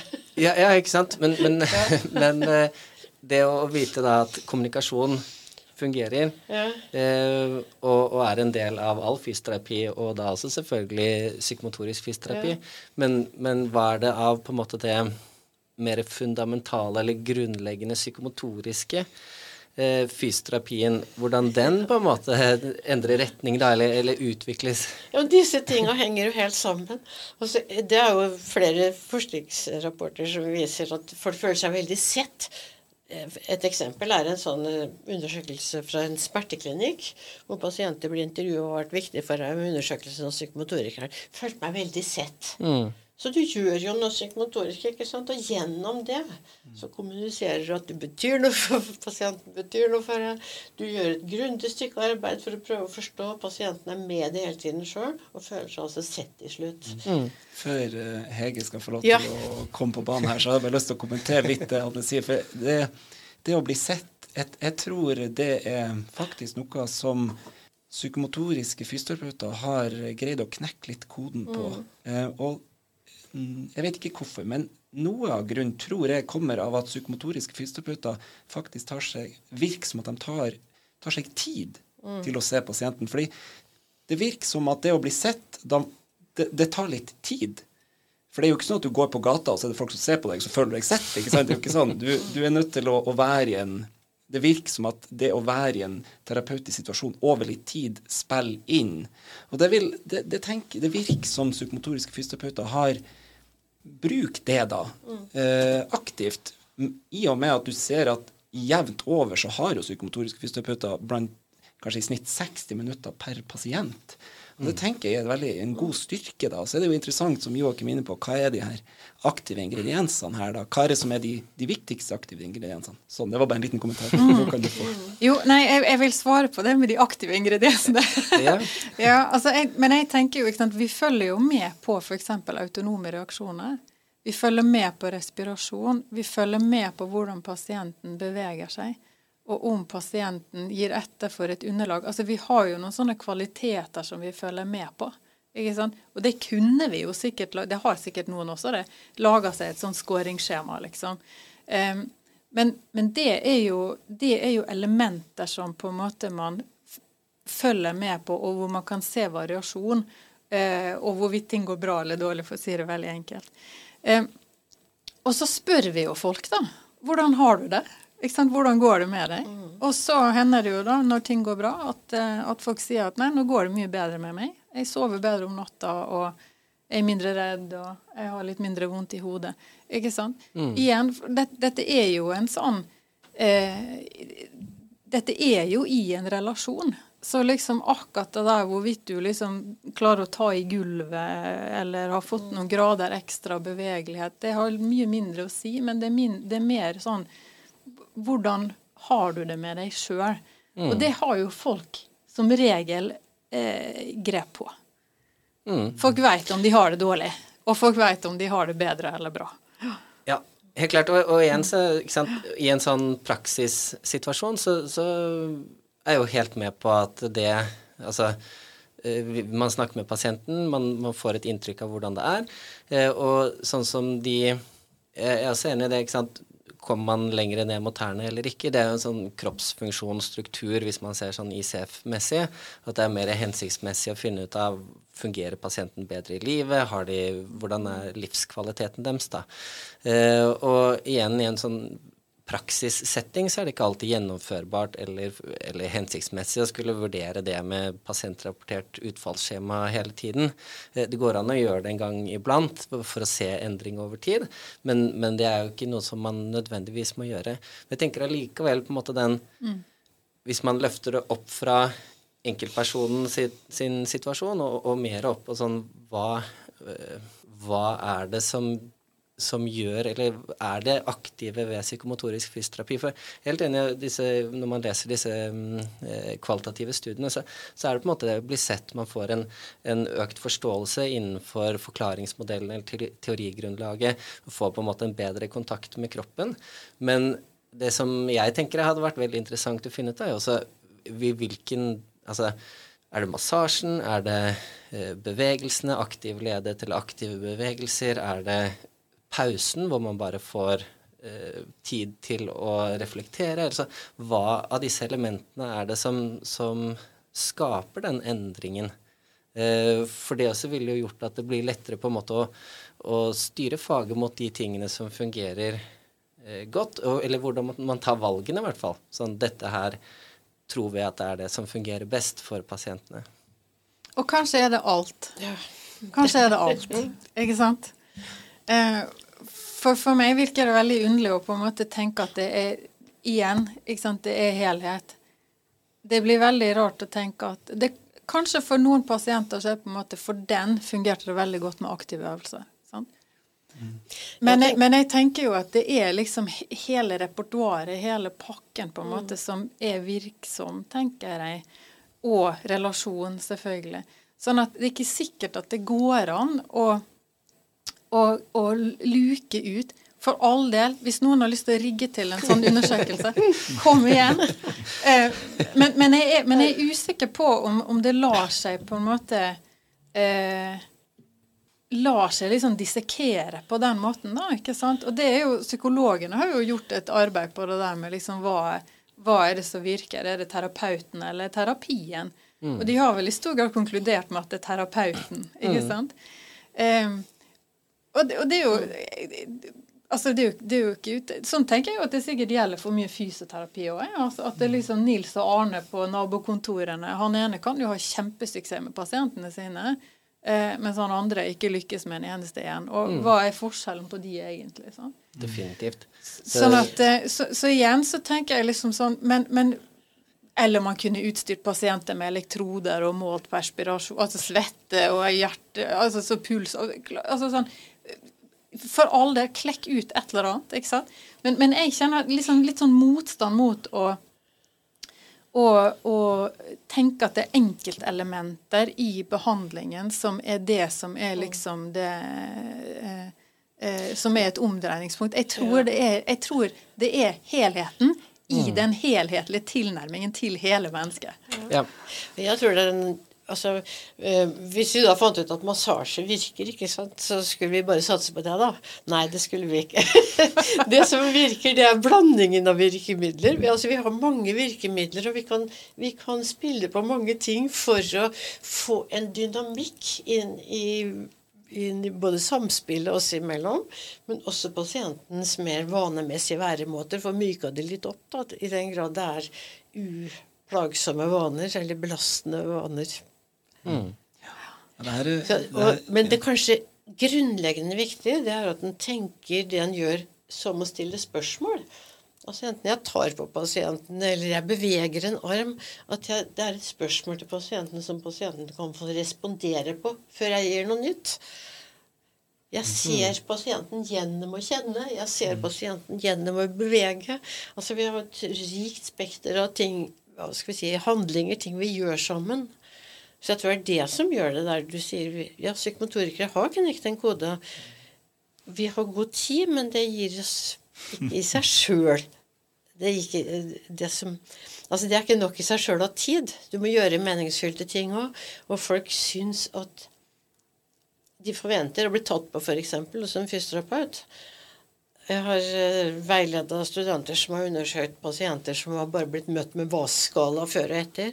De føler seg snytt som bare det, for at de ikke fysioterapeuten undersøker dem, ikke tar på dem. Så bare det å være i kroppslig kontakt og det gjør at pasientene føler at du har Du vet hva du driver med. Ja. Det er, um, den helheten er vanskelig å fange, da, kanskje. Det er punkt som, som, er vanskelig. Men så kan man jo også si at det finnes jo psykomotorikere som er bedre enn andre psykomotorikere. Ja, så det er jo noe som, som, gjør at noen er bedre enn andre. Og så, må, og så er spørsmålet hvordan i all verden finner vi ut av det? For det er jo de flinkeste ja. som vi på en måte må lære av, da. Spesielt hvis man baserer seg på Eh, erfaringsbasert mm. Eh, overføring av kunnskap, så er jo det å finne ut hvem er det som er de beste, ikke sant? og nå setter jeg det litt på spissen, og, hvordan, og, hva er det de gjør? Og for å finne ut hvem som er de beste, hvordan skal vi finne ut av det, da? Det, det er jo vanskelige spørsmål. Mm. Altså, jeg hadde et sånt feltarbeid i psykiatrien, oppdrag fra UNN for noen år siden. Og da skulle jeg beskrive hvordan fysioterapeuter kunne jobbe, da, og hva som var vitsen med det. Og da brukte jeg jo masse tid på å finne fram til institusjoner hvor vi hadde langvarige, stabile fysioterapitjenester, og hvor det var ansatte psykiatere og psykologer som hadde samarbeida med dem over lang tid. Og så intervjua jeg psykiateren, psykologen, sosionomen, sykepleieren og spurte dem hva syns dere fysioterapi tilfører da kunne de jo komme med sånn ja, Den ene sa at jeg tror det er veldig viktig at den kroppslige nærheten som fysioterapeuter har til, eh, til pasientene fordi at uh, da kan de lære at det er trygt å være inntil noen. Det er lov å sette grenser og si nei, gå vekk. Men den der utforskinga der, det er noe som bare fysioterapeuter kan gjøre, f.eks. Og som er kjempeviktig for folk som har dårlige erfaringer med å være nær andre. Mm. En annen psykiater han sa Nei, det der at en gjør noe sammen, det gjør at en får en helt annen kontakt.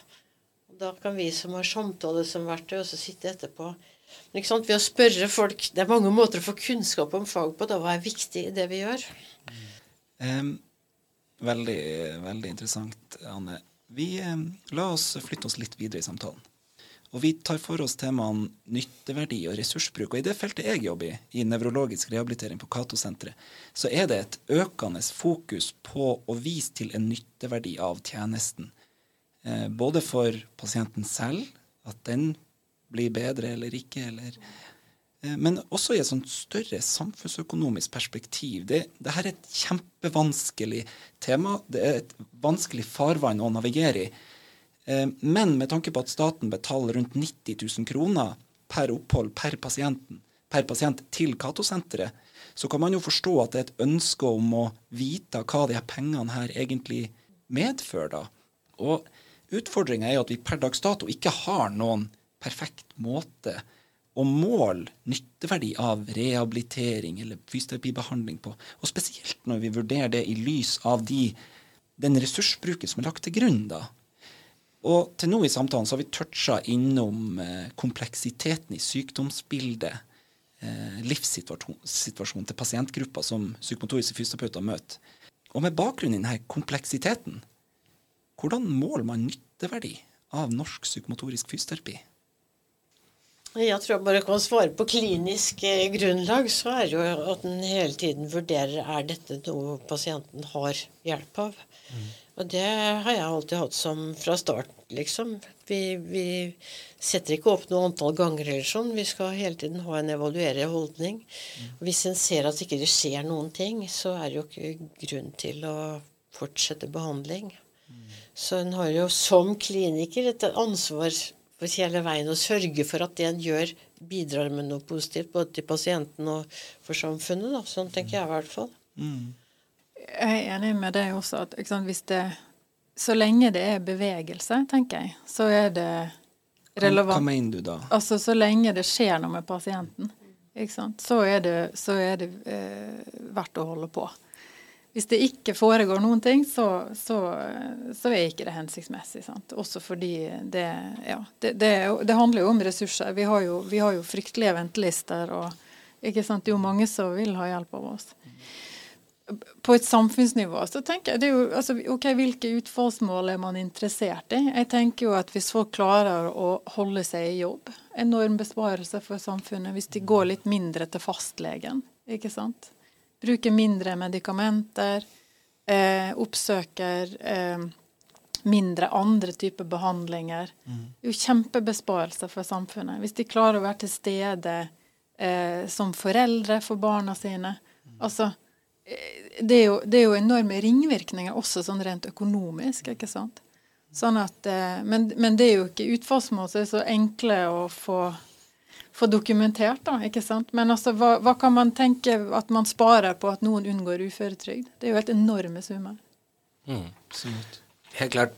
Og det er jo og igjen noe som ikke gjelder bare psykomotorisk fysioterapi, men fysioterapi helt generelt. Det at vi, vi har vansker med å egentlig kunne på en måte telle eller vurdere disse utvalgsmålene, som du sier, fordi det er så så komplekst. Da. Det, altså, ringvirkningene kan være så store. Det er vanskelig å få et sånn bilde av hva, hva er egentlig nytteverdien, eller hvor nyttig kan vi faktisk være. Men en ting som jeg, tenker er interessant, for du sier jo det at så lenge det er bevegelse, eller så lenge man ser en endring, så er det på en måte et Så, så kan man fortsette behandlingen, men er det noe sånn Altså hvor bra hvis man kan si det sånn, hvor bra skal man gjøre pasienten fordi dere har enorme ventelister innenfor eh, psykomotorisk fysioterapi. Det er et kjempestort behov i befolkningen for den type tjeneste. Eh, men hvor lenge kan man For det er jo litt det som også er utfordringen. ikke sant? Man tenker at disse omstillingsprosessene tar så lang tid. Tar et halvt år, tar kanskje et år. Da blir det jo veldig store ventelister, eller veldig lange ventelister. Eh, ja, altså fordi noen pasientforløp er jo langvarige. Eh, men langt fra alle er det. Eh, og det tenker jeg jo også handler litt om hva du avklarer av forventninger på forhånd. ikke sant? Altså hva er det vi skal jobbe med? Hva er realistisk å få til? Og igjen, sant, hvor bra, eh, hvor bra kan man bli? Um, og så er det jo også et poeng, tenker jeg, at det er ikke nødvendigvis gunstig å gå veldig, veldig lenge i terapi. Eh, at man skal jo ikke Man har jo også en et ansvar for å ikke gjøre pasienten avhengig av å gå et sted, og, og, at noen skal gjøre noe med deg hver uke. Så det der er jo en avveining, selvfølgelig. Så, mm. og den løser nok folk ganske ulikt, men, men, jeg tenker at det er ikke noe Det, det, er, det er, også viktig å avslutte. Mm. Eh, og for noen så vil det være veldig vanskelig å avslutte terapi for noen pasienter, og for andre så, så er ikke det så komplisert. Sant? Men det er jo selvfølgelig alltid det er jo en utfordring som terapeut å finne ut når, når gir vi oss. Ja.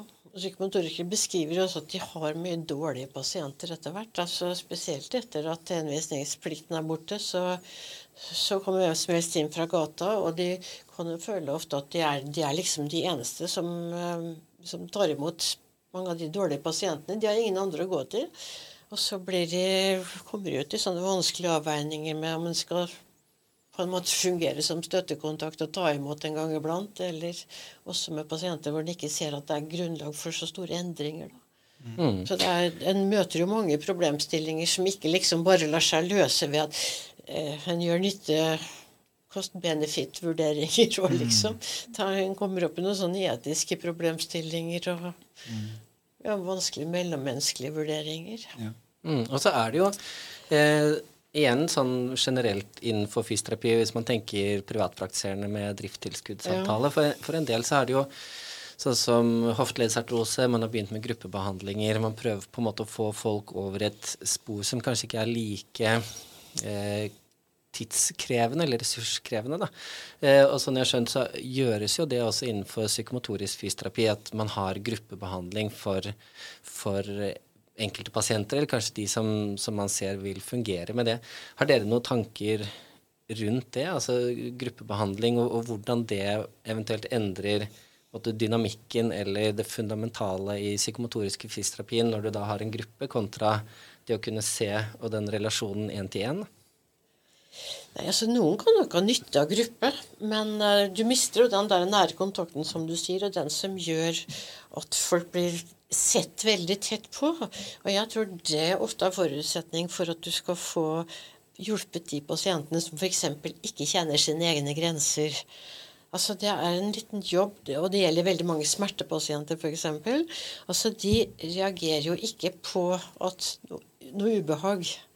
Men du kan se det at de kanskje kniper øyet litt igjen, eller et eller annet sånn helt mikroskopisk. Jeg liksom løfte fram reaksjonen og vise den på en måte. Nå ser det ut for meg som det er litt ubehagelig. Kan du vise meg det litt tydeligere neste gang? Hvis det skulle skje igjen. Altså, det å gå inn i de der spillene der som gjør at pasienten får mer tak på seg sjøl og etter hvert også kan si noe og reagere tydelig, det krever jo de der nære, tette samspillene. Og så er det mange andre ting en kan jobbe med i grupper, men ikke akkurat det, da. Mm. Ja, det blir jo det er jo liksom en utfordring å på en måte velge ut de som har glede av ja. gruppe, og så finne ut da, sant, hva slags tilbud skal du tilby i gruppe. sant? Um, så det er liksom et, et, selvstendig tilbud, det, ikke sant, på, basert på psykomotoriske ja. prinsipper, um, tenker jeg. Mm. Mm. For, og der, for vi har jo nevnt disse to randomisert kontrollert studiene som vi snakket om sist episode, Martin. Men det er jo faktisk en randomisert kontrollert studie også på dette med gruppetrening innenfor psykomotorisk eh, fysioterapi, som jo er også interessant å, å tenke på. Eh, og der også så de jo at det var en, en signifikant effekt av den gruppen som hadde eh, gruppetrening da, eh, som intervensjon, kontra det å stå på, på Eller fra baseline. Så de, de, hadde jo en effekt innenfor de utfallsmålene som, eh, som ble satt opp, eh, i den behandlingsformen også. Så det kunne jo vært tenker jeg veldig interessant å også prøve å se på hvilke forskjeller Igjen så må man klare å finne disse utfallsmålene eller effektmålene som, som kan gi, si noe om å være sensitive til forandring for psykomotorisk fysioterapi. Men prøve på en måte å, å få økt kunnskapen på hvem er det som faktisk kan klare seg med bare det, og hvem er det som trenger den én-til-én. Fordi det er jo i helsevesenet sånn som det er, en ressursknapphet og, og ventelister som gjør at vi selv om det kanskje ikke er optimalt, så, så må vi på en måte prøve å gjøre mest mulig for flest mulig med det vi har tilgjengelig. Mm, men uansett så blir jo det å gjøre gode vurderinger av pasientene mm. helt grunnleggende viktig for å kanalisere til det ene eller andre eller tredje tilbudet. Mm. Altså du må på en måte og Derfor tenker jeg det er alltid viktig med, med undersøkelser. Mm. Mm. Og ikke bare snakke med pasienter eller dele spørreskjemaer, men gjøre kliniske undersøkelser. Mm. Det er, er snart psykomotorikere det eneste som gjør det fra. Det er i hvert fall på tur ut mange steder, og samtidig essensielt viktig for bl.a. å kunne, kunne finne ut av hva, hva, hva, trenger pasienten for å komme videre. Mm. Det er jo det vi skal svare på. Og skal den pasienten ha behandling hos meg, eller skal det være noe annet? Mm. Nå eh, tenker jeg at vi snart skal begynne å avslutte den samtalen her. Men før det så ønsker jeg å spørre dere, Hege og Anne, om deres tanker om fremtida til norsk psykomotorisk fysioterapi. Hvordan ser den ut? Jeg vil si lys. og det var ikke spøk engang. nei, nei. nei, altså jeg opplever at det er stor interesse for behandlingsformen og, og tenkningen. Eh, Blant annet det er mange søkere til studieplasser. Det er, det er jo veldig stor interesse blant pasienter for å komme til. Så, så ser jeg jo også at det begynner å komme mye relevant teori som både bekrefter tenkningen i psykomotorisk fysioterapi, men som også kan hjelpe oss til å utvikle faget. Og da tenkte jeg spesielt på sånn enactment theory.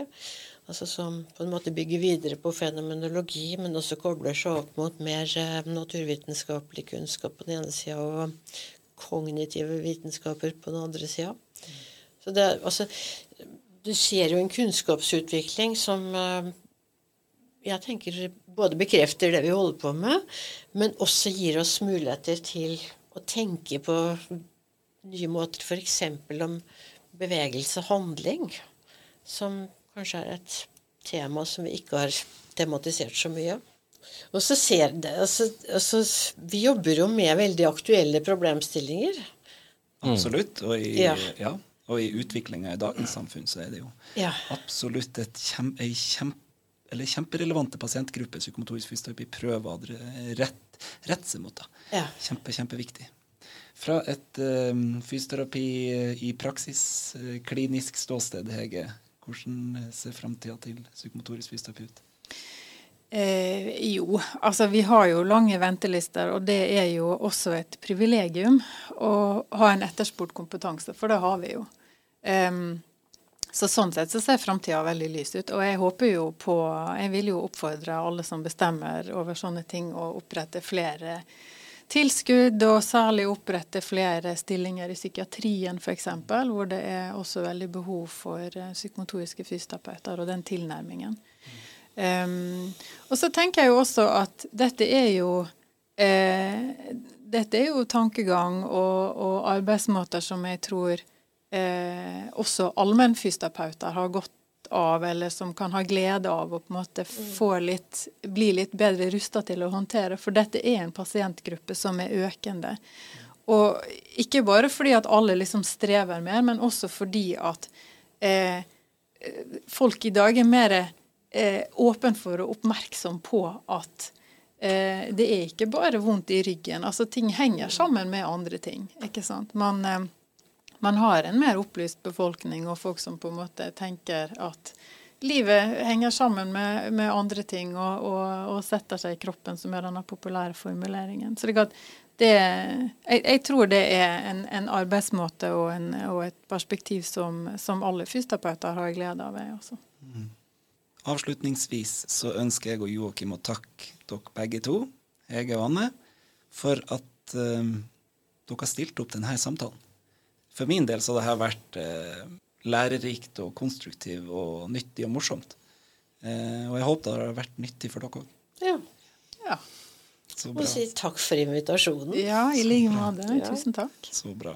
Vi i podkasten Lateralt og medialt og redaksjonen i tidsskriftet Fysioterapeuten, vi vil gjerne høre meningen fra dere lyttere også eh, om denne episoden, dette temaet eller andre episoder for den saks skyld.